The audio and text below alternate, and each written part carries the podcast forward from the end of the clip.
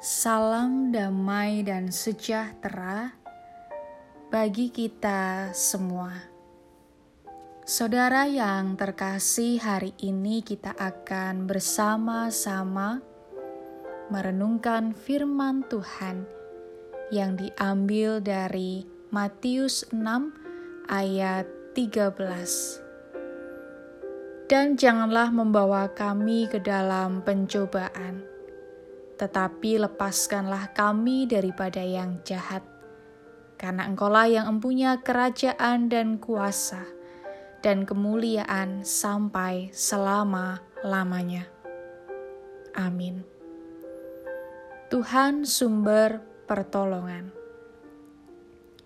Seorang motivator bernama Andri Wongso mengatakan, "Cobaan, tekanan, dan penderitaan adalah proses menuju mental tangguh dan dewasa." Sebagai modal berjuang lagi, meraih hidup yang lebih berkualitas. Pernyataan ini menunjukkan bahwa kenyataan hidup manusia memang tidak terlepas dari cobaan, tekanan, dan penderitaan. Meskipun demikian, dalam setiap orang merespon akan hal-hal tersebut, tentulah tidak sama.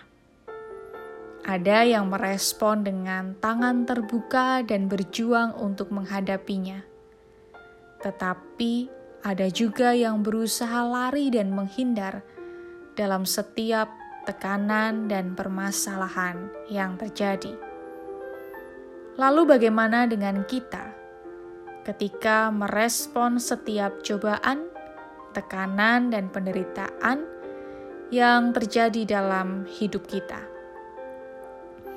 Salah satu bagian penutup dalam doa Bapa Kami memberikan pengajaran tentang pentingnya cara bersikap orang percaya ketika menghadapi cobaan, tekanan, dan penderitaan.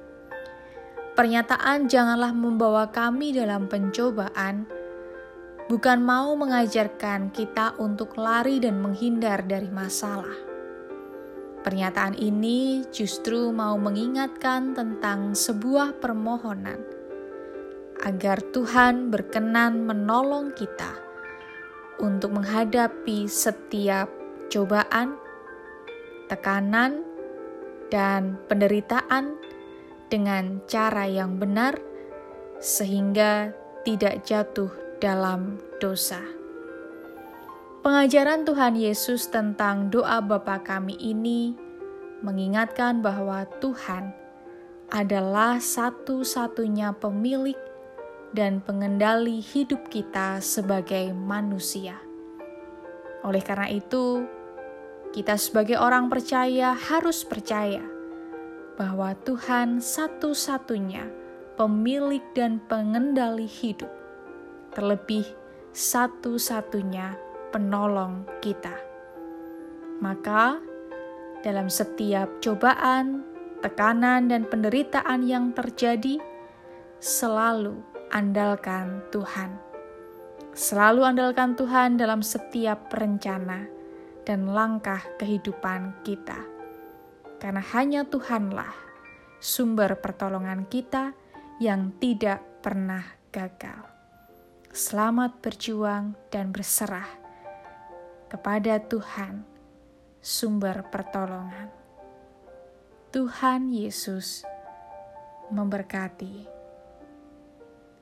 Amin.